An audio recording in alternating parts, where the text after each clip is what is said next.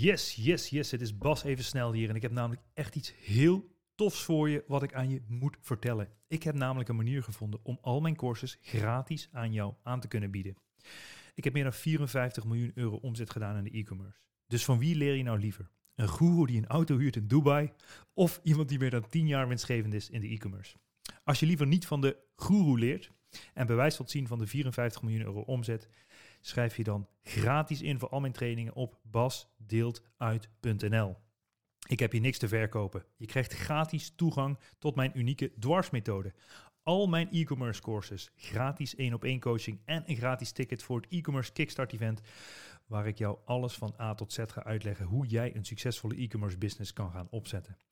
Alles is letterlijk gratis. Er zitten er hier geen addertjes onder het gras. Dit wordt namelijk mogelijk gemaakt door een subsidie die jij ook geheel gratis en kosteloos kan aanvragen. Je hoeft zelf niks voor te schieten en normaal kost dit pakket 2000 euro. Schrijf je snel in op basdeeltuit.nl om gratis toegang te krijgen tot dit hele spektakel. Ik zeg veel plezier met het luisteren van deze podcast en tot snel. Ciao, ciao. Dames en heren, vandaag in de Ondernemen op Slippers podcast, de one and only André van Kempen. Hij woont momenteel in Servië, maar is heel eventjes in Nederland. Uh, hij was eigenaar van Tech2 en hierin bouwde hij als een van de eerste in Nederland Magento sites. Hij is zijn aandelen uiteindelijk verkocht om te gaan reizen en dat werd een hele spirituele reis. Hij kende geen rem, kreeg hierdoor ook nog eens een burn-out en raakte nog eens verslaafd aan cocaïne. Daar stelde hij van en hij helpt nu andere ondernemers die andere mensen helpen zich te ontwikkelen. Hij vindt eigenlijk dat mensen in de corporate wereld verslaafd zijn, maar niet gebruiken. André, welkom. Hey. Leuk man. Je schuift je shit opzij en voelt je vogelvrij. Ja, dat is een goede intro hoor. Zeker.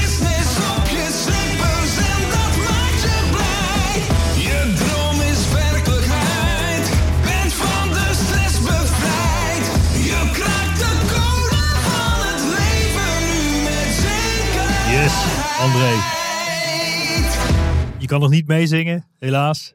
Nee, sorry. Ik, ik Nee, was maar- me even, even spiritueel aan het Ja, dat snap ik. Dat snap ik, dat snap ik. Maar, ehm, nou ja, de allereerste vraag die ik altijd stel in deze podcast. André, hou je vast. Wat zou je doen als je nog drie maanden te leven hebt? Als ik nog drie maanden te leven had. Ja, misschien om eerlijk te zijn dat ik toch wel een beetje zou blijven doen wat ik aan het doen ben op het moment. Maar als het echt maar, maar drie maanden. Ja, ik, eh, ik ben dan blij dat ik het in Nederland heb te horen gekregen. dat het nog maar drie maanden is. Dus ja, het is leuk dat ik hier nu ben. En eh, ja. Ik denk dat ik een hele grote lening bij de bank zou nemen. Om nog even een heel groot, cool project neer te zetten. En ik denk het project gerelateerd tot wat je net een beetje oplas. Om echt gewoon meer bewustwording te creëren bij ondernemers. Dat het allemaal niet zo snel hoeft te gaan. Ja. Dat hun misschien drie maanden erbij krijgen. Ja, ja, ja. Dus je wil eigenlijk mensen bewust maken van de essentie van het Ja, leven. Ja, precies. dat, dat zou je nog in drie Ja. maanden tijd eh, de, de wereld willen meegeven, laat ik het zo zeggen. Ja, dat zou mooi zijn als dan Dus als, je, als je een video kan maken op je sterfbed, dan zou het daarover gaan. Ja, precies. Dat zou dan de aftiteling zijn van eh, alle Van dingen leven. die gebeurd zijn. Ja, mooi, mooi. Ja, ik hoor veel verschillende dingen. En, en toch, ik merk vaker dat de mensen die wat ouder zijn, zeg maar, soms een bepaalde rust hebben gevonden in zichzelf. Waardoor ze ja, eh, een heel ander antwoord geven, zeg maar. En sommige mensen die willen per se de ruimte in of zo, of weet ik veel wat. Maar de meeste mensen zeggen, ja, ik zou gewoon veel tijd spenderen met de mensen die ik lief heb. En eh, dat dan uiteindelijk het einde is. nou, precies. Maar goed, eh, als je veel geld mag lenen, als je nog drie maanden te leven hebt van de bank, die, die kans die acht ik vrij klein. Ja, ik Zou niet zeggen tegen hun natuurlijk. Nee, nee, dan zou, je, dan, zou je, dan zou je de rest van de wereld willen bij. Ja, mooi zeg. Eh, maar je bent even in Nederland, want je woont in Servië. Ja, hoe, hoe ben je daar überhaupt beland? Ehm, ja, soms wordt eh, Journey geleid door de liefde. En ik denk dat dat bij mij het verhaal is geweest. Mooi. Dus ik, eh, ja, op mijn, op mijn reis. eh, een beetje de laatste bestemming is een mindful community in, in Thailand geweest. Ja. Waar ik vrijwilliger was omtrent marketing. om hen eigenlijk te helpen om ja, meer gasten naar hun verblijf te krijgen. Het was een recovery of mensen die terugkwamen van een rehab, die bleven daar nog een paar maanden, ja, eigenlijk om, om een beetje bij te komen. Mhm. Dus ja, het was eh, mindfulness-based. Dus het was wel eh, heel interessant. Eh, je kon daar ja, zeg, op de akker werken, maar je kon ook ja, mediteren. Ik host nog bepaalde aesthetic dances om toch een beetje een oude hobby qua DJ er terug in te brengen. Ja. En ja, mijn vrouw was daar eh, therapeut. En ja, van het een komt het ander. Er was een leuke wandelroute langs het meer, waar we eigenlijk dagelijks eh, wel een rondje gingen lopen. Ja. En ja, uiteindelijk, eh, ja, Thailand, het, het visum hield op, wat ons ja, toch wel terugstuurde naar, naar Europa. En ja, we konden kiezen of moeilijk doen om alle visums te regelen in Nederland. Of het een stukje makkelijker maken financieel, maar ook wel eh, qua visa's in, in Servië. Cool. En ja, daar is eh supercoole natuur waar je nog eh, even lekker voor eh 25 euro een huisje in de natuur kan huren voor Ja. een weekend. Ja. Dus ja, we dachten waarom niet? En eh, ja, toevallig was het eh, ook de Youth Capital dat jaar. Mhm. Dus eh, we dachten, nou, we wilden ook een leuk programma maken. eh, Een, een educatieprogramma gerelateerd tot mental health Mhm. voor de jeugd. Dus ja, we dachten gelijk, dan kunnen we daar binnenkomen en eh, kunnen we gelijk wat goeds doen. Cool man. Cool. En, en hoe is het leven dan in Servië? Ehm, ja, ik, ik denk dat het een beetje eh, lastig is voor mij om te beschrijven hoe het echte leven is. Want ja, eigenlijk bijna de hele COVID-tijd dat ik daar doorgebracht heb. Dus ja, ik denk van de ene kant eenzaam. Omdat het heel lastig was om met mensen te connecten. Ja. Maar van de andere kant, ja, eh, we wonen zelf in Novi Sad. Dus eh, ja, misschien de, de capital eh Belgrado, Mhm. die misschien wel kent. Ja. Nou, daar is een uurtje vandaan, maar er is, er is zoveel te zien daar. Je kan zeg maar een uurtje rijden of twee uurtjes rijden, zit je gewoon midden in de natuur. Mooi. Waar je gewoon lekker met je laptopje en ja, je slippers Ja. lekker kan ondernemen. Nice. Dus, eh, dus ja, het is, dit- ik moet zeggen, het is een, ik denk een beetje een verborgen pareltje. Dat het wel, eh, ja, de meeste mensen gaan misschien naar Kroatië. Ja. Maar Servië, ja. Is, is mooier. Ja. Ongerept. Ja, ja, Minder bekende vakantiebestemmingen ook. minder, minder bekend inderdaad, ja. En er zijn zoveel, ja, de dynamiek. Je hebt het, ja, zeg, Belgrado is meer een beetje de, de, de stad, meer een beetje Ja. het rijke. Maar als je Ja. echt naar het andere puntje gaat, ja, daar is nog redelijk wat, eh, wat armoede. En eh, ja, dat je toch wel denkt, het, het zit ook best dichtbij. Ja. En ervaar je het als een veilig land ook? Ja, ja. Niet, eh, En hoe verschillen die, die, die Servische mensen van de, van de Nederlanders dan? Mm. Als je daar 's ochtends naar je werk loopt, dan zit het terras lekker vol. Dan drinken ze Oké. daar lekker een kopje koffie. Ja, ja. Ehm, ja, op zondag gaat men naar familie. Ja. En Het is een gelovig land ook? ja, ja, het is meest, meest orthodox. Ja. En ik, het leuke is ook al wat ik in het begin niet begreep. Je hebt familie. Voor ons is dat, eh, zeg, je vader, je moeder, Ja, je broer, je zus en opa en oom. En dat is je Ja. familie. Maar daar is het, eh, ja, achterneven, nichten. Het, het- familie is heel erg gerespecteerd. Ah, Dus. Ik vond dat wel heel interessant om te zien. Dat het hier is van, ja, oh, op zondag even snel langs ons ma om even mee te eten. Als het ervan kwam door het drukke werken. Ja, ja, ja. Maar daar is het wel gewoon, ja, eh, op zondag ga je gewoon naar je familie. Ja. En dan ga je daar gewoon gezellig lunchen met z'n allen. En in de zomer lekker barbecuen. Of je huurt ergens. Of meestal hebben ze ook een, een weekendhuisje waar je dan lekker naartoe gaat met z'n allen. Ja. Dus ja, ik denk wel het, de value familie. Dat, die, eh, dat we daar nog wel iets van kunnen leren. Ja. Cool, cool. Ja, eh, dat, dat zie je ook. In elke cultuur is het familiebestaan anders. Hè? Je ziet ook in, eh, ja, whatever, in, in Afrika of in India of in Mongolië. Dat, dat, dat heeft een hele andere betekenis. Ik denk ook in de Mhm. westerse samenleving is het veel individualistischer en egoïstisch, eh, egocentrischer dan, Bijna dan misschien wel, ja. in veel andere landen. In ieder geval ja, ver buiten Europa, zeg maar. Mhm. En dat is ook, eh, ja, dat, dat, dat- ja, ik, wil zeggen het heeft voor- en nadelen, maar ik, ik, ik wil, ja, Ja, nee, precies. is Want het leuke is ook dat... meer een mentaliteit, weet je, waar je in wordt gezogen. Ja, precies. Want vanuit daar hebben ze wel weer van dat er ook zoveel controle ligt op. Net als ja, de, de, de zoon of dochter blijft langer thuis wonen. Ja. Ehm, de, de, de moeder is overbeschermd. Ja. Dus ik, ik, ik denk dat het wel, ja, ik denk als we van de Nederlandse cultuur en de service en we doen het een beetje samen. Ja, ik denk ja. dat we dan wel een leuke balans hebben. Precies.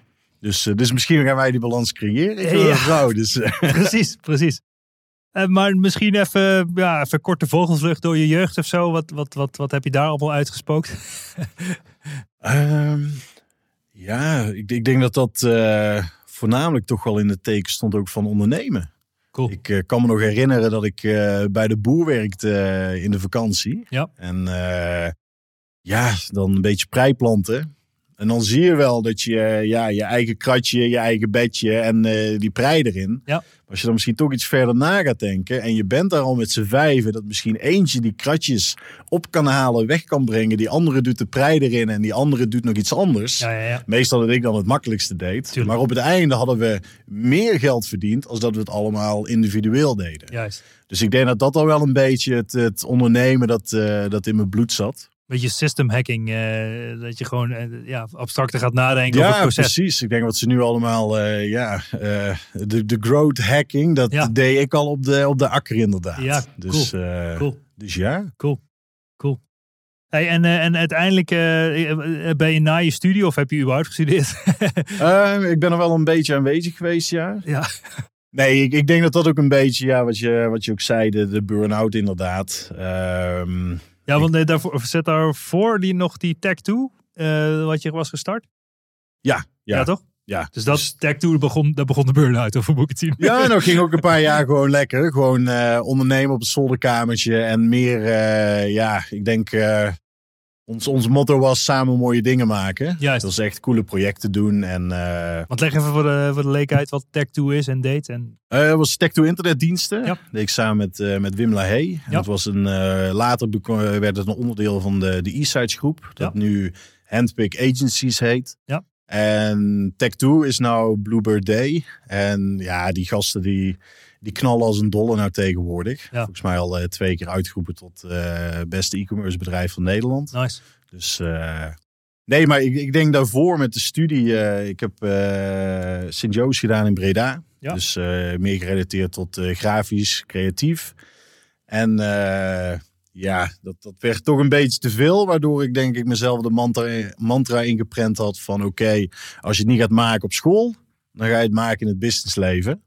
En ja, ik denk dat daar ook een beetje de fout lag. Want ik had hem niet echt smart gemaakt. Ik had niet er echt een eh, tijd, plaats en ja. eh, eindgoal aan geknoopt. Dus het was echt van ja, misschien had ik het al gemaakt. Mhm. Misschien ook niet. Ik, ik was gewoon maar in mijn hoofd van ik moet het gaan maken, ik moet het gaan maken. School is niet gelukt, dus ik moet het gaan maken. En ja, ik denk dat dat op een gegeven moment, eh, ja, ik denk van mantra naar dat het niet echt positief werd. Waardoor ik gewoon maar door bleef gaan en eh, ja, niet kunnen stoppen. Ja. Dus ja, daar ook een klein beetje de, de, de eenzaamheid bij, de cocaïneverslaving. En ja, dat is dan niet echt eh fair ten opzichte van eh, mijn compagnon.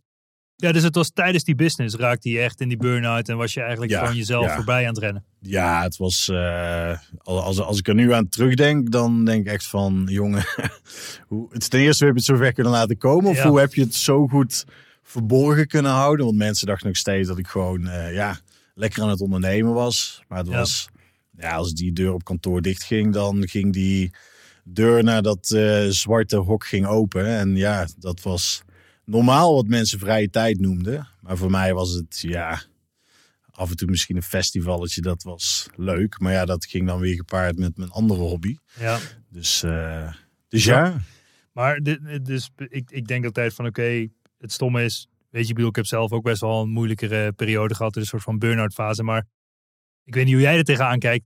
Nu kijk je er misschien achteraf op terug van ja, weet je, ik dacht altijd van ja, burn-out is voor mensen die niet snappen wat ze doen. Of wat er- natuurlijk niet. Tot je er zelf middenin zit. gaat Gaat mij niet overkomen. Nee, nee, Hoe- nee. Hoe, hoe, is, hoe heb jij dat ervaren dat je dat, dat je dat misschien ook altijd dacht, maar dat je er wel dus eigenlijk een soort van in werd gezogen? Hoe, dus waar zit Ja, pre- waar precies, precies wat je zegt. Van ja, dat is voor mensen die. eh, ja, ik, ik weet waar ik mee bezig ben. Gaat mij niet overkomen. Precies. Ik, eh, oh, ik heb al zoveel gedaan. eh, Ja.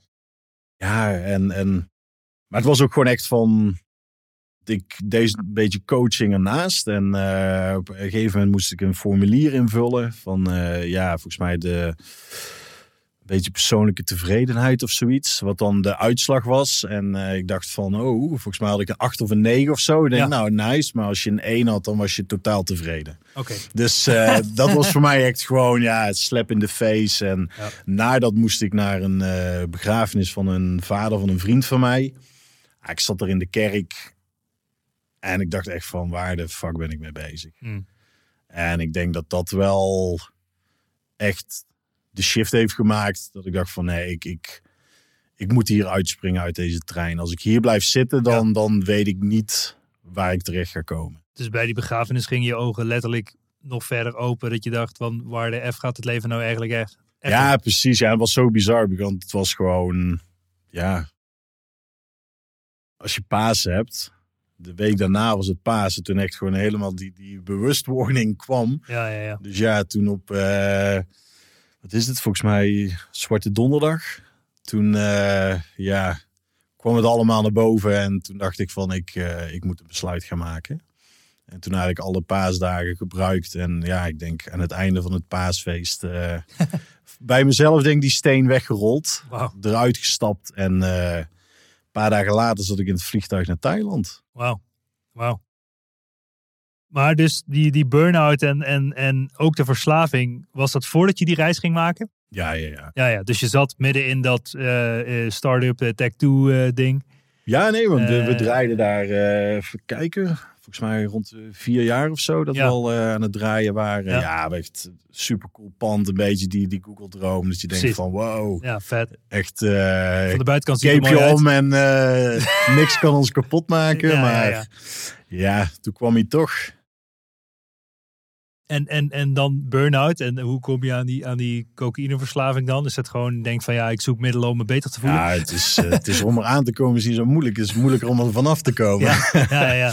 Nee, het, het was meer eh, ja, redelijk in de feest. Ook mijn uitlaatklep was lekker naar feestjes gaan, lekker Ja. dansen. En ik denk dat dat niet het probleem was, maar het was ook ja, die, die stille momenten thuis zijn. En ja, ik, ik, ik denk dat het ook misschien een stukje, ja, hoe zeggen ze het? Eh, uiteindelijk als je bepaalde drugsoorten gaat terug analyseren waar het eigenlijk voor gebruikt kan worden. Mm. En ja, het, ik, ik denk dat ik misschien ook een beetje op het randje van misschien depressie zat of zo. Dat het Mm. toch wel lastig was om het bij te benen. En als ik nu ook mezelf zie, ja, ik, ik, ik ben in één keer een hele gevoelige jongen geworden. Mm. En daarvoor was het gewoon, ja, gewoon Emma gas geven. ja doorbeuken en niet zeiken. Ja, precies. Dus nu denk ik ook wel dat het meer, ja, toch het, het stukje camoufleren van, ik denk, mijn eigen ik, mijn eigen werkelijkheid. Omdat die persoon, denk ik, niet op mijn positie paste. Hmm.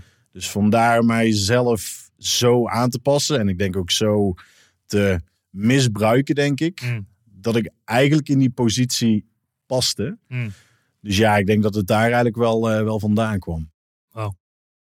Maar goed, dus eh, bedrijf. Op een gegeven moment heb je aandelen verkocht. Had je een burn-out achter de rug en een cocaïneverslaving. Toen dacht je, ik, ik moet het leven anders gaan inrichten. En toen heb je het vliegtuig gepakt.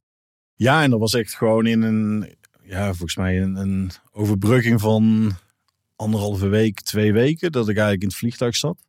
En eh, ja, ik denk dat dat ook een beetje het ondernemen is van oké, als ik merk er gaat iets mis, dan gaan we ook gewoon actie ondernemen. Hmm. Dus ik dacht ook van oké, ik kan nu mijn eigen zielig gaan vinden, maar uiteindelijk, daar gaat niks oplossen. We moeten gewoon actie ondernemen. Mm. Dus eh, toen een vlucht geboekt naar Thailand. Het was een, eh, ja, eh, tiendaagse watervast eh, gedaan. Om eigenlijk heel mijn lichaam een beetje terug in balans te brengen. Gecombineerd met, met yoga, reiki, andere healing methodes. Eh, dus dat was wel een beetje de, Ja. ja, eigenlijk van verslaving bijna naar spiritual bypass. Dat het, ja, even in die, die ja, het leek daar onderhand wel een, een fantasiewereld. Wow. Ja, dus eh, ayahuasca gedaan en, en Cool. echt een beetje al die, die dingen die wel voorkomen in de, de spirituele journey. Dit, dit heb je allemaal in het, in het buitenland gedaan? Ja, of, eh, ja.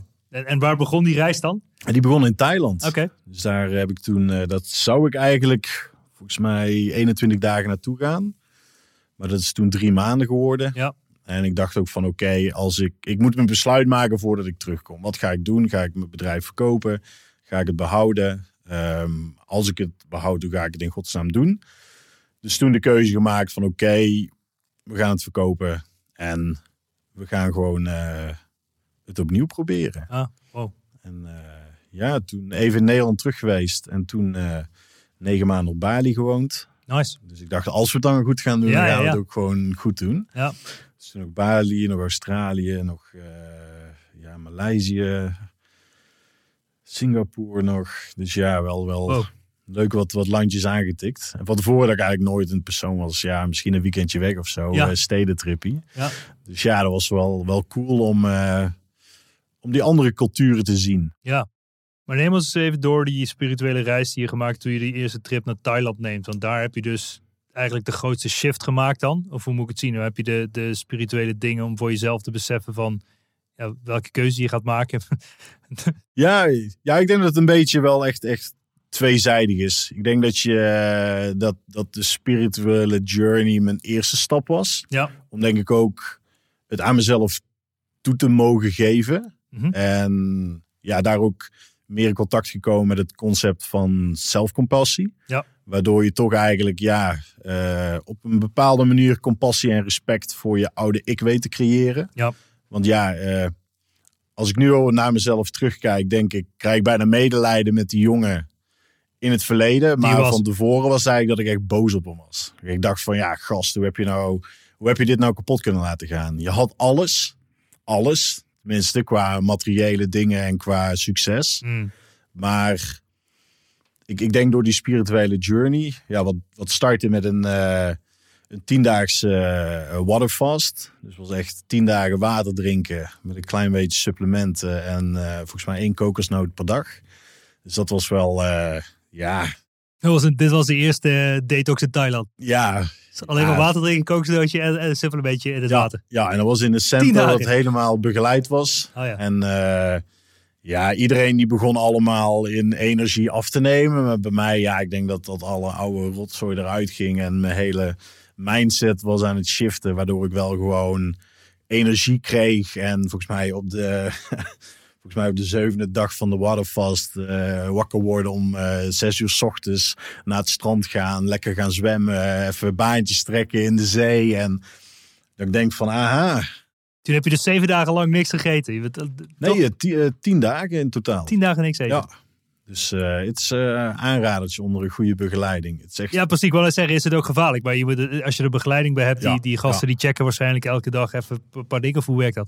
Ja, dan heb je bepaalde meetings en eh, ook meer een stukje eh, ja, omtrent bewustwording. Ehm, er zijn reiki-sessies bij om ook bepaalde de energieën weg te nemen en dat soort dingen. Voor mij was het natuurlijk totaal nieuw dat ik denk van, wat Ja, gebeurt wat, hier? Wat gebeurt er allemaal? Van die healing kristal op de grond en ik denk, jezus, waar ben ik nou weer terechtgekomen? Ja. Maar eh, ja, het heeft me wel echt wel goed gedaan. En dan is het ook grappig dat het ene rolt weer in het andere. Ehm, dus het startte met die, die eh, tien dagen. Dan was het nog tien dagen yoga en eh, alleen maar volgens mij vegan food. Om ook inderdaad weer rustig Starten. terug te komen. Ja. En eh, ja, toen kwam ik in aanraking met de baas waar ik mee aan het praten was. En die zei, oh, we starten ook reiki training. Dus ik dacht, nou, waarom niet? Het is toch goed om de tools zelf ook te hebben. Dus eh, daaraan begonnen. Nou, toen, omdat ik met hem bevriend werd, zeiden van ja, we hebben nog een, eh, ja, ergens een verborgen ayahuasca-sessie hebben we nog gepland. Als je wil, kan je wel meedoen. Dus daar nog meegedaan. Ja, dat was een, een, een huis bijna totaal van glas ergens op het strand. Met, ja, het le- het leek wel die, wat is het, eh, ehm, wat is het, die duizend nachten, een beetje als je naar de Efteling gaat. Ja, ja, ja. Dus Ja. ja, dat was, was interessant. Wauw. En, eh, maar, maar wat ik wel echt wil meegeven, dat was denk ik het stukje ja, bewust worden. Maar ik moet zeggen, daarna, eh, omdat mijn vrouw ook meer een beetje in de therapeutische setting zit, ben ik ook echt in therapie gegaan. Dus ben ik ook echt, oké, het, is, het is leuk om dat spirituele aan te gaan. Ik denk dat het goed is om bepaalde lagen eraf te krijgen. Mm. Maar daarna moest ik ook wel echt van oké, maar even weer beide voet- voetjes op de grond. Mhm. Wat is nou eigenlijk gebeurd? Waarom is het gebeurd? Mm. En ja, door middel van TRE, dat is Tension Stress Release Exercising, waardoor je eigenlijk je lichaam in een bepaalde ja, trimming brengt. Mhm. Dat je eigenlijk ook je zenuwstelsel, ja, alle stress ervan af kan schudden. Mm. Ja, en dat, dat heeft echt wonderen gedaan. Wauw. Dus ja, we hebben even het Maar wacht even, mee dus- kunnen pakken. Dus eh, bedrijf, aandelen, je wil wist niet wat je moet doen. Je gaat drie maanden naar, naar Thailand. Je begint met die waterfast. Toen heb je yoga gedaan. Wat kwam daarna? Ehm, ja, toen die, die, die ayahuasca hebben we toen nog gedaan. Ayahuasca even tussendoor. Nou ja, dat, dat, ja, dat, goed, dat is natuurlijk ook een hele experience waarschijnlijk. En eh, ja, dat is een drankje toch? En dan Ja. is het veel kotsen waarschijnlijk. Ja, ja, dus het is ook een vraag van... Ja, Gooit alles eruit. wat- ja, wat, wat, wat hielp? Ik denk dat het gewoon, ja... Op een gegeven moment kwam ik in een bepaalde stroom terecht... wat me, denk ik, gewoon gaf wat nodig was. Ja. Dus ja, het is... Ik denk de combinatie dat het gewoon... Ja. Maar dus yoga, ayahuasca, wat eh, heb je dan weer gedaan? Toen ging je er gewoon drie maanden lang af elkaar door dit soort dingen doen? Of hoe moet ik het zien? Ehm, ja, dan... Het was denk ik ook een beetje van, eh, van een bepaalde verslaving naar een andere verslaving. Ja, Maar eh, dus daarom denk ik ook dat die therapie uiteraard ook echt geholpen heeft. ja exact. Want ja, dat, dat, op een gegeven moment kwam het wel echt op het randje van, ja, dat noemen ze spiritual bypass. Dat Mm. het eigenlijk is dat je alleen nog maar daar bent. Dus uiteindelijk het materiële is slecht. En, Ja, dat je het helemaal loslaat. maar, maar uiteindelijk denk ik van, ja, dat is leuk. Maar we zijn hier. En dus we moeten ook ons aanpassen aan hier. We Mm. kunnen wel zeggen van ja, eh, we zijn eh, tegen corporate en we zijn tegen alles. Ja, ja. Maar uiteindelijk pak je wel het vliegtuig om naar Thailand te gaan. Ja, dat ik ook denk van ja, daar moeten we weer even terugkomen. Mijn vrouw heeft daar gewoon echt bij geholpen. Ik denk de, Mooi. de nuchterste Servische lady die me even teruggebracht heeft. Ja, ja, ja, mooi. Dus, eh, Ja. dus ja, ik denk dat dat een beetje dat verhaal is. Nou, het is wel eh, inspirerend, denk ik. Kijk, het, is- ja, het, het moeilijke is altijd als je in zo'n fase zit dat je jezelf, laten we zeggen, een soort van kwijt bent. Mhm. eh, Om jezelf weer te vinden. Ja, en wat precies. daarvoor nodig is. En dat eh, onderschatten veel mensen. Nu praat je er redelijk open over. Maar waarschijnlijk, als ik je in die burn-out fase had gevraagd, ja, dan, ja, dan, had je een heel, dan had je het verhaal waarschijnlijk ook niet verteld. En helemaal niet op deze manier. Nee, precies. Dus eh, dat is Dus, wel, eh, ik denk dat het goed is dat, dat, dat, je dat als je dat besef hebt, dat je dan die stappen kan nemen om er wel uit te komen. Ja, Eh, en ik denk ook wat ik ook echt wel de mensen mee wil geven, dat er tegenwoordig zoveel manieren zijn om jezelf te helpen. Ja. En ik denk dat er ook helemaal geen schaamte meer hoeft te zijn. mhm, Net als, ja, oké, ik had een burn-out en ik ben verslaafd geweest, maar uiteindelijk heeft me dat wel de kracht gegeven om de persoon te zijn die ik nu ben. Juist, juist. En ik had erin kunnen blijven hangen. Ik had Ja. er, ja, eh, ik had me eigen erover kunnen schamen. Maar uiteindelijk denk ik door te spreken dat misschien andere mensen die nu luisteren toch wel het idee hebben van ja, Ja. vooral nu met COVID, ja, heel de tijd thuis zitten, die druk, eh, niet weten wat er morgen gaat gebeuren. Ja, gelukkig dat het nu wel weer een beetje terug in balans is. Ja, Maar ja, als je dan met een, ah, misschien even lekker biertje, of misschien dan de volgende dag twee biertjes. Ja. Of ja, blijven misschien toch nog net even wat langer liggen, want gisteren hebben we toch Ja, een biertje op. uiteindelijk is het zo makkelijk om, om ja, ik denk jezelf kwijt te raken. En, en ja, ik, ik denk COVID is ook zo'n mooie tijd om jezelf te vinden. ja absoluut. En ja, er zijn zoveel manieren qua. Het, het kan spiritueel zijn, maar het kan ook meer ja, praktisch zijn. Eh, therapie, ik kan zou ook iedereen aanraden. Ja. Doe het gewoon. Ja, ja, je hebt ja, echt ja. niks te verliezen. Je kan alleen maar. do it. Ja, precies. je, gaat, je gaat zoveel interessante dingen over jezelf te weten komen. En eh, ja, dus, dus hopen dat ook dit COVID een beetje dat taboe wel weg gaat nemen. Ja. Nou, je had het net over materialisme ook. hè. Het is natuurlijk mooi. De bekende uitspraak is het bezit van de zaak is het einde van het vermaak. Ehm, en, en, en ik voeg daar vaak aan toe van eh, eh, vrijheid zit hem in het hebben van zo min mogelijk eigenlijk. En dan eh, zeker in de materialistische sferen. Hoe kijk jij daar tegenaan? Ehm, Als je je nou Ja. optimaal vrij wilt voelen. Hoe, hoe ziet dat eruit? Volgens jou. ik denk voor mij optimale vrijheid. Ik denk dat het niks te doen heeft met wat je hebt of wat je niet hebt. Ik denk dat ik het ook wel echt geleerd heb in, eh, in Servië, waar je gewoon, ja, super bizar. Een, een, een onderwijzer verdient daar 600 euro per maand. Ja. En dus ja, 600 euro per maand. Ja, het het ligt eraan eh, wat je huur... Ik bedoel, dat is een, bepaalde standaard natuurlijk. Ja, maar... Als je maar, voor 200 euro per maand een huis kan kopen, dan is het ja, veel. maar dat, is ja, niet de dat- case, dat- denk ik. Nee, nee, hela- helaas Maar, niet. Het is inderdaad... Het is Maar dat is dan een onderwijs. Dus iemand die echt gewoon ja, werk heeft is. in een studie. Dus Ja, voor mij dat hele concept van minimalism. Ja. super interessant. Maar ik denk dat het alleen maar besteed is aan rijke mensen. Ja, om, om, om de rust te vinden in de minimalism. Omdat je dan de andere kant hebt gezien of zo. Dus je- Precies. ja, ik, ik, ik snap wel wat je bedoelt. Want Want, het, is, want- het is heel makkelijk om te zeggen tegen iemand die nooit iets heeft gehad. Van ja, eigenlijk heb je alles. ja, precies. Of maar nu die, ga ik degene gewoon... die niks eh, hebt, die wil alles hebben. Precies. Of nu ga ik... eh, ja, ik heb eh, zeg eh, 100.000 euro besteed aan mijn kleine huisje. Ja, Ja. Is, is dat dan minimalism? of is het... Ja, ik, Is het ik- maximalism? Ja, precies. Of gewoon het maximale uit iets kleins halen of zo. ja, ja. Dus eh, ja, ik denk, denk voor mij op het moment, ehm, ja, al mijn werk is online. Eh, ik werk samen met mijn vrouw. Wij kunnen gaan en staan waar we willen. Eh, in de laatste twee jaar hebben we het mogelijk gemaakt om in Servië met internationale klanten te werken. Waardoor we eigenlijk ja, gewoon een internationaal salaris hebben. Ja.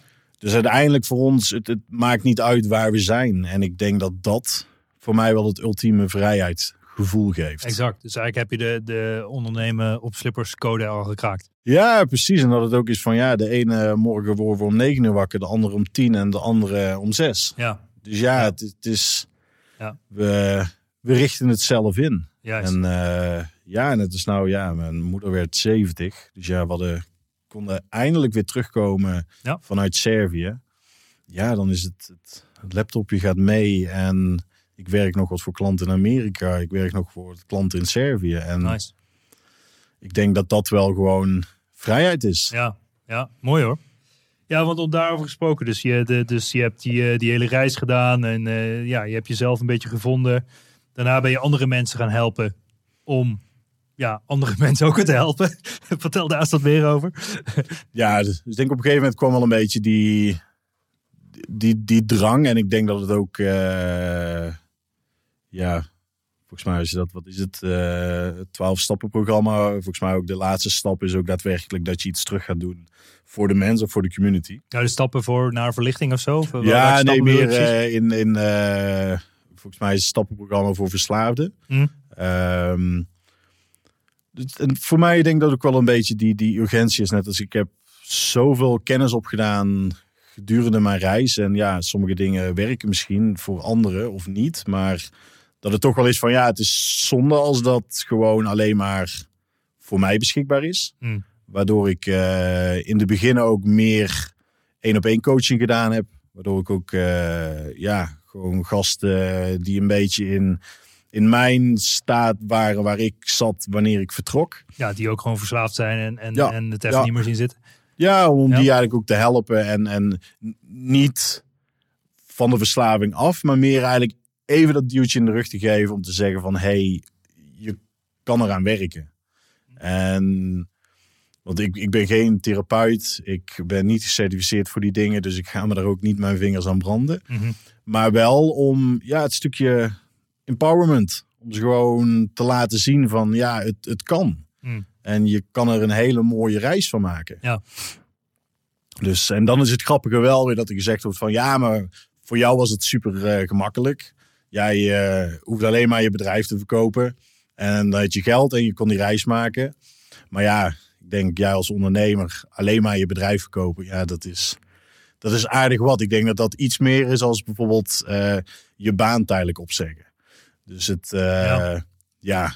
Nou, zeker. Ik zeg ook altijd, niks is wat het lijkt. Dus veel mensen zien niet de reis die je hebt afgelegd voordat je, nou laat ik zeggen, dat succes, hoe je het ook, hoe je het ook bestempelt, bereikt hebt, zeg maar. Ja, Hè, precies. dus, en het, eh, ja, dat is vooral, iedereen maakt zijn eigen reis. Alleen eh, niks is wat het lijkt en op social media helemaal niet. Want alleen, vaak worden alleen maar de succesvolle verhalen gedeeld. Ja, precies. Terwijl het juist gaat om de niet succesvolle verhalen. Hè? En, Ja, de, en- de pivot, zeg maar. En in dit Ja, geval heb ja. jij die ook gewoon super hard gemaakt. En heb je de kracht uitgevonden om daarna in te zien dat je er iets mee kan doen voor andere mensen. En, en dat is eigenlijk wel heel mooi. Ja, precies. Want dat, dat, ja, dat ook wel merkt eh, als we dit ja, gewoon individueel doen. Ja. Dan is de impact toch best wel klein die we kunnen creëren. Ja. Ehm, dus nu werken we eigenlijk samen met grotere eh, ja, non-profits. Ja. Om daar eigenlijk samen te kijken. ehm, net als eentje in Amerika. eh, Center for Mindful Self-Compassie. Ja. De, gevo- gefound bij Christine Neff en Chris Germer. Mhm. En ja, die hebben. Hun, hun hoofdproduct is een tien weken programma om eigenlijk eh, meer compa- compassionate te worden. Mhm. En met hun hebben we een 30 weken programma gecreëerd voor psychotherapisten. Ja, Om eigenlijk zelfcompassie in hun werk te integreren. Ja. Dus ik heb hun geholpen met eigenlijk de hele strategie. Van oké, ehm, wie gaat onze doelgroep worden? Een stukje doelgroepanalyse, maar ook eh, de hele lounge gecreëerd. oké. Hoe kunnen we die bus creëren? Mhm. Hoe kunnen we inderdaad die, die therapeuten eh, overtuigen om dit programma mee te doen? Mhm. Dus ja, was wel super cool, want hun hebben ja, zoveel bekende namen waar ze mee samenwerken. Tenminste, bekende namen in dat wereldje. Ja, ja, ja. En die, die, die waren bij ons zeg, op de Noordstar van ja, het zou zo cool zijn als we met hun iets samen kunnen doen. Juist. En ja, nu host ik voor hun de brainstorm sessies en de meetings om te kijken van ja, hoe kunnen we dat het best samen, samenstellen. Cool. Dus ook een heel platform gecreëerd. Dus eigenlijk van de e-commerce nou meer naar, eh, naar e-learning. Mhm. Eh, hele coole ja, online journey van 30 weken. Ja. Eh, met ook, ja, het hun hadden meer echt het idee van oké, dit is graag wat we zouden willen. Bepaalde meetingstructuur. En mijn rol was echt van oké, maar hoe kunnen we dat eigenlijk digitaal neer gaan zetten? Mhm. En ja, we gaan nu binnenkort de tweede ronde beginnen. Dus volgens Cool. mij eh, hebben we het goed neergezet. Cool. Ja, dus je helpt mensen ook daadwerkelijk met het vermarkten van hun, van zichzelf eigenlijk, of van hun producten. Ja, ja. Eh, ja, ja, ja, ja. En je noemde net ook al die lancering al, zeg maar. Wat is dan daar vaak de key in? Of wat zijn een beetje de stappen die in zo'n lancering zitten? Is dat met name van, ja, hoe pak je dat aan? Ehm, ja, meestal dat we daar eigenlijk de, ja, de, de PLF-structuur voor gebruiken van, Ja. eh, van Jeff Walker. Ja. Ehm, dus daar zitten we ook. eh, Product launch funnel. Ja, ja. Ja. dus daar zitten we ook bij de, in, in de, de Lounge Club. Zijn we ook onderdeel van. Dus, eh, dus ja, het is een coole formule. Het start eerst met eigenlijk bepaalde awareness te creëren. Ja. Waardoor je toch even vraagt van ja, wat, wat, wat heb je eigenlijk nodig? In plaats van wat vaak gedaan wordt. eh, ja, ik denk dat ze dit nodig hebben. Dus dit gaan we gewoon aanbieden. Ja. Dus eerst rustig starten met ja, wat heb je nou eigenlijk nodig? Ja. Dus dat past echt supergoed bij zelfcompassie. Omdat Mhm. het ook gewoon echt is van ja, wat, wat zou je zelf nodig hebben? Ja. Dus daarin kunnen we ook echt goed die, die launch formule eigenlijk integreren. Mhm. Waarna we eigenlijk bepaalde educatievideo's hebben. Dus we combineren het een beetje, de, de product launch formule, gecombineerd met meer ja, education-based marketing. Mhm. Waardoor we wel echt ja, bepaalde specialisten, eh, bepaalde educatie omtrekken. Waardoor we eigenlijk ja, eh, al, al zoveel, zelfs als ze niet het programma gaan deelnemen, dat we al wel een bepaalde zeg, mindset shift bij die persoon hebben kunnen creëren. Juist. Waardoor ze misschien eigenlijk ja, de, de tweede ronde mee gaan doen. Ja, ja, ja. Dus ja. ja, dus ja het, is, het is echt een beetje de combinatie between, of tussen een impact maken. Ja. Maar uiteindelijk ja, moeten we er ook wel iets bij verkopen. ja, ja. Dus ja, het is, het is wel cool dat het niet gewoon keiharde sales is. We noemen het zelf ook meer ja, sales met meer eh, consciousness en confidence. Oké. Dus dat is Ja. eigenlijk een beetje onze Tagline. zeg, slogan, tagline. Ja. Dus ja, en, en nu meer grotere eh, NGO's beginnen zich aan te melden om, eh, om samen dingen te doen. Cool. En wel, eh, heb je in een bepaald resultaat waar je super trots op was, waar je mee aan hebt gewerkt? Hmm. Ja, ik denk dat we er twee hebben. Ehm, eentje was super cool eigenlijk toen we net in, eh, in Servië kwamen wonen. Tenminste, ik, mijn vrouw eh, woonde daar al. En eh, het was Youth Capital, eh Novi Sad. En wij dachten van ja, we willen er echt iets voor gaan doen. Want Vesna, mijn vrouw, die doet al redelijk wat. Die heeft mindfulness eh, naar Servië gebracht. Nu ook zelfcompassie, eh TRE. Dus die is meer eigenlijk in de zeg, therapeutische eh, setting. Mhm. En dus we dachten, wat kunnen we doen voor de jeugd om, hun eigenlijk, om daar meer bewustzijn te creëren? Dus we hebben een tien weken programma gemaakt, wat echt helemaal, ja, zeg, blended learning was. Waardoor we sommige meetings hadden we live, andere meetings waren online met bepaalde sprekers die geïnterviewd werden, wat weer er eigenlijk veel meer mensen bekeken kon worden. Eh, bepaalde kennissessies, reflectiesessies. En dan, ja, dat was over een tijd of tien weken. Cool. En 50% van de jeugd is daarna naar psychotherapie gegaan. Dus dat was voor ons wel echt super cool. We wilden eigenlijk niet echt ja, het, het promoten, maar toch bij bepaalde bewustzijn te creëren. Dat ze dachten van, hmm, misschien moet ik daar toch eens over gaan praten. Mhm. En ja, ik denk dat dat wel voor ons een van de, van de coolste resultaten was. Cool. En, en ja, dat, dat programma, dat 30 weken programma met, eh, met de Center of Mindful Self-Compassie. Mhm. Dus eh, het programma heet SKIP. Psychother of eh, Self-Compassion in Psychotherapy. Mhm. Ja, dat, dat is cool. Gewoon helemaal vanaf scratch iets maken waar ik eigenlijk toevallig terecht kwam. Ja. En toen zeiden ze ook, kan je ook een e-learning platform maken? Ik zei, nou, dat is geen probleem. En uiteindelijk eh, ja, de hele launch gedaan, de technische ondersteuning, ehm, helpen met de video-editing. Dus, dus eigenlijk echt, ja, zoveel creatieve eh, dingen. Dus ja, dat was, eh, was wel echt cool. Wauw. Wauw. En, en ehm, ja, wat is nou het grootste verschil? Wat, dus eigenlijk wil jij mensen die impact maken, helpen, zodat ze anderen een impact kunnen maken op anderen, toch? Ja, ja, want ik denk nu een beetje met het nieuwe, eh, zeg, influencer landschap. Ja. Dat het toch wel, ja. Zeg, er zijn twee verschillende scenario's. Je hebt het scenario net als mij. Ik eh, ben van de IT, van Ja. de marketing, van de sales. Ja. Eh, ik besluit iets anders te gaan doen. Ja. En dat is misschien meer gerelateerd tot eh, persoonlijke ontwikkeling. Mhm. Nou, als ik me daar echt in ga verdiepen, dan weet ik zeker dat ik zo een hele grote volging kan creëren. Dat ik me super slikke landingpagina's kan maken, lead magnets, alles erop en eraan. Ja. Alleen ben ik echt de expert? Mhm. Eh, nee. Want ik ben daar net mee bezig. Eh, het is misschien meer een hobby, maar vanwege mijn marketing background kan ik daar wel echt gewoon een business uit maken. Ja.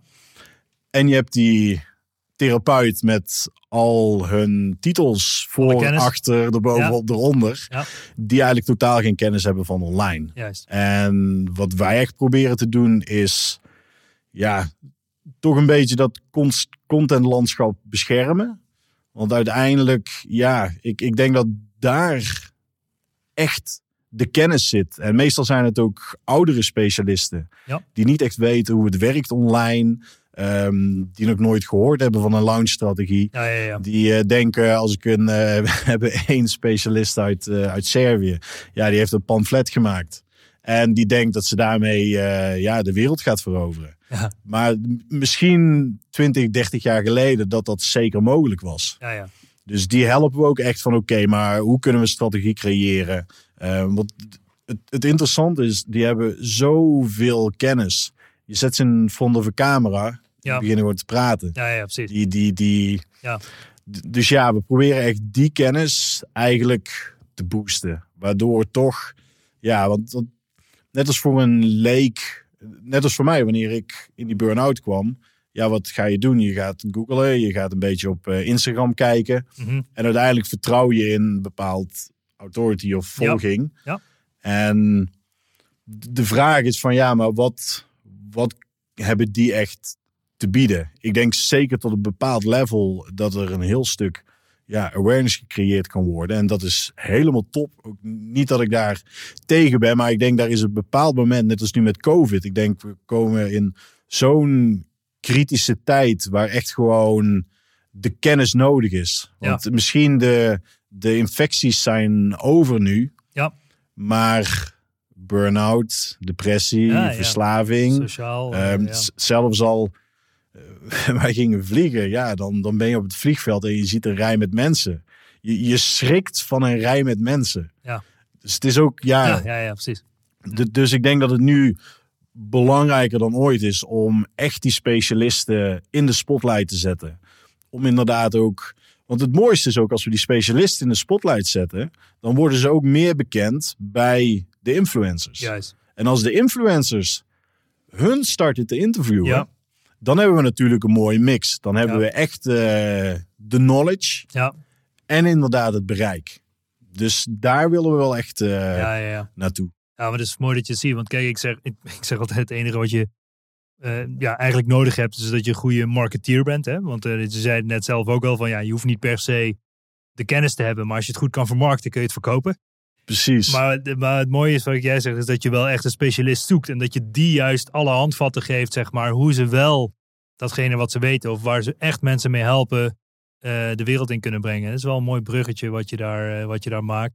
Want er zijn echt genoeg infomarketeers die echt vaak of de ballen verstand hebben van iets, maar en wel gewoon succesvol En, informatie. en vaak verkopen. ook dat, dat die echt gewoon naar content aan het zoeken zijn. Ja, En, Ja. en ik denk dat er zoveel specialisten zijn die gewoon de content bezitten, maar niet weten hoe ze die content kunnen uitdragen. ja, ja, ja. En ja, nu dat alles naar online educatie gaat. Je merkt in het begin waren ze er ook wel tegen. ja, ja.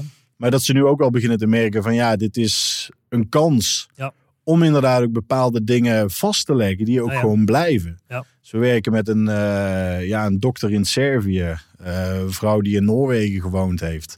Ja, dat is echt gewoon een prachtig persoon. Volgens mij is ze al, ja, volgens mij over de 70, maar nog steeds eh, rocking. En ja. Dat, dat is echt zo mooi. Maar ook die, die, die verhalen die ze heeft. Ja, Altijd ja. als ze iets uitlegt, Ja. zit er weer een bepaalde anekdote of een verhaal aan vast van een gebeurtenis. Ja. Ja, en ik denk dat dat wel echt, dat is authentiek. En ik denk dat zijn wel echt dingen die we gewoon moeten bewaken. precies. Hey, en voor het vermarkten van die dingen, ik zie het ook, ik help natuurlijk veel mensen ook in de e-commerce. En ik zie ook gewoon dat zeg maar de, de, de social media ads, dat het allemaal steeds moeilijker wordt. En het is natuurlijk logisch dat over time alle eh, CPA's omhoog lopen, dat het duurder is om te adverteren, en dat het moeilijker is om e-mailadres te verzamelen. Hoe kraak je die code voor je klanten? Ja, dat is een goede vraag. Dat ga ik natuurlijk niet vertellen nou, anders gaat iedereen dat doen. of als ik het niet zeg, dan denken ze van, hé hey, shit, hij weet die code niet eens.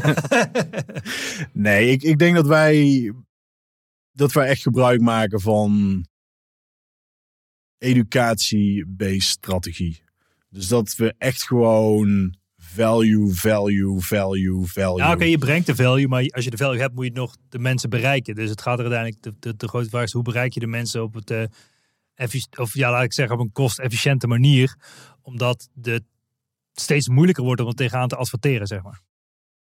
Ja, ja, me- meestal voor dat gedeelte dat wij andere specialisten gebruiken. Want ik, ik moet zeggen, ik zit, ja, ik zit niet in de ads. Ik zit niet in. eh, voor mij is het meer van: oké, als ze op die pagina komen, dan neem ik het over. Oké, Dus we hebben bepaalde Oh, ja. mensen eh, ja, die, die ad-campagnes inregelen. precies. Eh, maar bijvoorbeeld die partij in, eh, in, in Amerika, ja, die had dan een lijst met eh 170 170.000 man. Ja. Waar we dan wel echt een goede segmentatie in creëren. Precies. Van oké, het is leuk dat je een hele hoop man hebt, Ja, ja, ja. maar wie zijn er echt geïnteresseerd? Ja, ja, ja. Dus ik, ik denk dat we meer een beetje op het listbuilding, op segmentatie, ehm, ja, on-page optimalisatie. Mhm. Dus meer op die kant van oké, als je bezoekers er naartoe stuurt, Ja, ja, ja.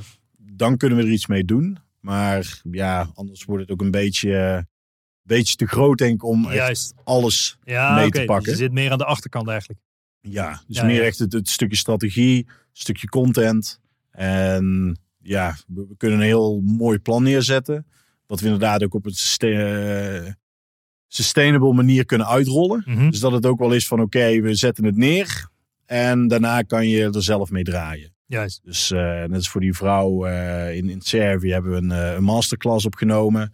En die masterclass die promoten we eigenlijk continu. Juist. Waardoor daar continu nieuwe aanvoer is. Ja. En vanuit daar dat ze eigenlijk weer bepaalde weekendtrainingen vult. En vanuit die weekendtrainingen, dat we een beetje geholpen hebben met scripting. Wat ze doet aan het einde van die training. Mhm. Dat ze het eigenlijk weer in haar langere certificeringprogramma kan zetten. Juist. Ja, Russell Dus- Brunson noemt dat de value ladder. Dus het Ja, is gewoon, ja. je begint met iets relatiefs, iets gratis, goedkoops, iets duurder, iets duurder, iets duurder. Ja. Tot de master training van eh 100.000 euro. Ja, die, die hebben we niet. Dat, Dus- in, in de, dan moeten we misschien inderdaad meer een beetje in eh, die, die andere kant van de personal development. Ja. Maar eh, zit je zelf ook veel in, in een soort van mastermind groepjes of andere eh, clubjes waar je jezelf je inspiratie en ja, informatie ja, uit- ja, de Lounge Club. Ja, dat we Lounge onderdeel Club van zijn. eh, Ik moet zeggen dat we wel. eh, Dus ja, dat is allemaal online nu, ja, neem ik aan. Ja, Of ga je vaak ja. ook naar de States om daar... eh, Nee, nee, nee. Dus ja, we dachten, dit is nou totaal online. Dus ik denk dat is wel eh, Ja. een mooie manier om in te stappen. Ja. Dus ja, daar kunnen we wel heel veel eh, ja, ideeën delen. En ja, hele coole feedback van, eh, van de mentors. Ehm, dan ook de Scale Up Mhm. Van eh, dat boek Scaling Up. Oh ja, Dus daar, eh, daar zijn we ook onderdeel van. Fern Harnish, toch? Ja, ja. Ja, ja. Dus eh, ja, ik denk dat dat een beetje is. Cool. Ja, dat zijn denk ik wel twee, twee ja, vaak grotere en ook goede partijen die snappen wat ze doen, laat ik het zo zeggen. Ja, precies. De, een- de ene is meer gerelateerd tot van oké, hoe kan je die business doorgroeien of opbouwen. En Ja. de andere meer oké, hoe kun je hoe kun je een goede lounge creëren om inderdaad Ja. eventjes die piek te creëren. Ja, En daarna meerdere keren, waarschijnlijk. ja, ja, ja, tof. Hey, voordat we gingen praten, en dat is een zin die ik het laatst in de intro noemt. eh, je vindt dat mensen in de corporate wereld verslaafd zijn, maar niet gebruiken. Ja, laten, we daar, laten we daarmee afsluiten om daar eens over te bomen. Want, want wat, wat, wat zie jij bij, in die corporate wereld en waarom denk je dat die mensen verslaafd zijn, maar niet gebruiken? Ehm, ja, ik denk, denk op het moment eh, zie ik er helaas niet zoveel van. Dus, eh, maar vooraf dat het toch wel, eh, ja, al, al is het niet aan bepaalde supplementen, is het misschien wel aan het, ja, het stukje Emma doorgaan, Hmm. een stukje ego, Hmm. een stukje, ja, Noemen ze vaak de biggest dick show. Ja, ja, precies. en, en, maar ik denk dat dat voor mij ook wel het, het, het stukje mindfulness dat er echt bij geholpen heeft. Dat het gewoon af en toe eens even dat stapje terug doen. Gewoon, en ik denk in de corporate dat het, als je even een stapje weg doet, dan is je plaats alweer ingenomen. Mm, precies, dus je hebt die ruimte niet om een stapje terug te doen. Dus je blijft eigenlijk Ja, maar in of, de... of je denkt dat die ruimte er niet is. Ja, exact. Want ik denk uiteindelijk als je een stapje terug Ja. doet, dan zie je misschien ook drie, vier andere vrije plekken. Ja, ja, ja. ja. In plaats van alleen maar waar je staat. Ja, ja, ja. Ja. Ja. Ja, ja, dus het is puur iets wat tussen de oren zit.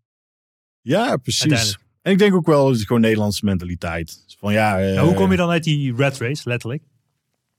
eh, ja, ik, ik, denk dat ik er echt letterlijk en figuurlijk gewoon uitgestapt ben. Ja. Ik denk dat het misschien ook wel op een, een mindere manier zou kunnen. Maar ik denk dat, dat dat ben ik ook gewoon. Van ja, als ik ergens voor ga, ga ik ervoor. Juist. Dus ik denk dat dat ook die, misschien die burn-out en verslaving gebracht heeft. Cool. Maar eh, ja, ik, ik denk op een gegeven moment. Ja, ik denk als je al begint met misschien na je lunch. Ga gewoon even lekker rondje lopen zonder telefoon. Ja, ja. Gewoon die, die kleine dingetjes. Die Ja, dat toch klopt. wel. Het las ik ook laatst dat het brein continu aanstaat omdat je dat telefoon bij je hebt. Dus zelfs als je aan, aan het schijten bent, zeg maar, wat ben je aan het doen? Ja, Ja, ja, zit je gewoon door je tijdlijn heen te scrollen. Dus Precies. Dan worden volgens mij de meeste Facebook-posts gemaakt over Ja. hoe goed het gaat. ja, ja, ja, ja, ja, precies. Maar eigenlijk is het gewoon, ja. Ja, ja nee, ik snap wat je bedoelt. Mooi man. Mooi. Tof. Eh, poeh, waar kunnen mensen meer over je lezen, vinden, zien? Ehm, Ehm, Ja, ze kunnen me op LinkedIn vinden bij eh, Ja. André van Kempen of eh bouillot.io. Ja.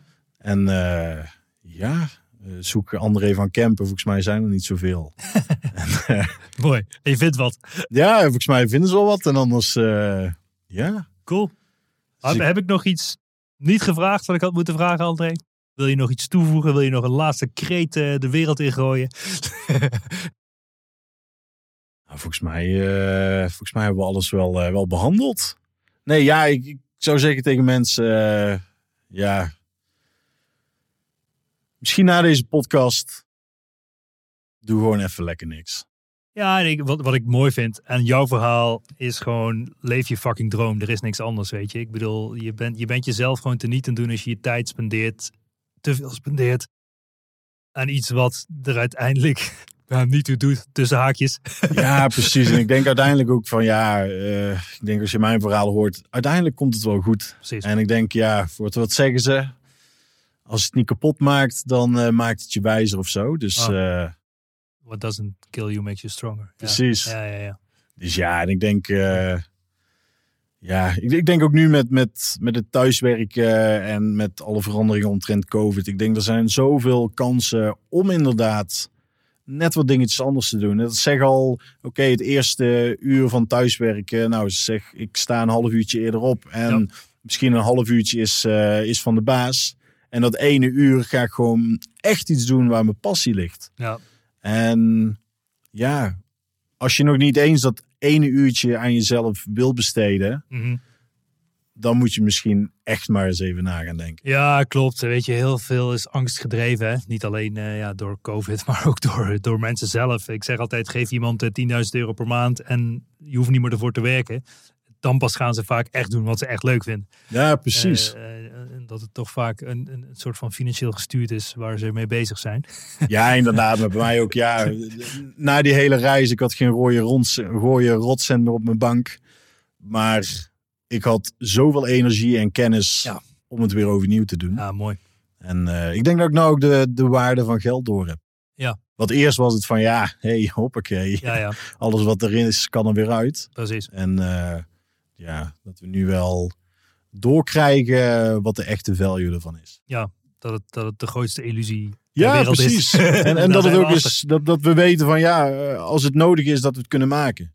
Ja. En ik denk dat dat misschien Precies. wel de ultieme vrijheid Ja, ja. is. Zonder centrale bank te zijn. Precies. Want Ja, ja, uiteindelijk wordt het uit het niks gecreëerd en doe jij er alles voor. ja, ja, inderdaad, ja. Abstract. Maar dan ja, als we dan toch maar drie maanden te leven hebben, dan, eh, Ja, dan, dan- doen we het gewoon lekker op die manier. Top, top. Nou, dank voor je komst, André. Ja, thanks man, het was gezellig. gesprek, zeker. Ja, Mooi. dank voor je verhaal. Ik ben inspirerend. En ehm, ja, eh, dankjewel. Ja, precies. Hoi. Bedankt voor het luisteren naar de Ondernemen op Slippers podcast. Check voor meer informatie ondernemenopslippers.nl. Tot de volgende keer. Ja, nice. Een inspirerend verhaal van André. Hoe die gewoon eh, ja, zijn hele leven eigenlijk na zijn burn-out en cocaïneverslaving heeft omgegooid. En daar op een mooie manier andere mensen nu mee helpt. Door andere mensen te helpen. Ehm, ja, dat andere ondernemers te empoweren om andere mensen weer te helpen. Precies. Super mooi verhaal. Mooi gesproken. Dankjewel André nogmaals. En ik zeg allemaal tot de volgende keer. Dit was toch een onwijs gave episode. Laten we eerlijk zijn. Ik vind het onwijs tof. Mocht je nou waarde vinden in deze episodes, check dan ook eventjes mijn LinkedIn, Bas Eurlings. En geef mij gewoon even een persoonlijk berichtje wat je van deze podcast vindt. Nogmaals, ik kan alles gratis aan jou geven. Wil je leren in de e-commerce? Gratis in op één coaching. Gratis e-commerce kickstart event. Ga naar basdeeltuit.nl hoe jij subsidie kan aanvragen door gratis, om gratis toegang te krijgen tot alles wat ik gemaakt heb. Check it out en tot snel. Ciao, ciao.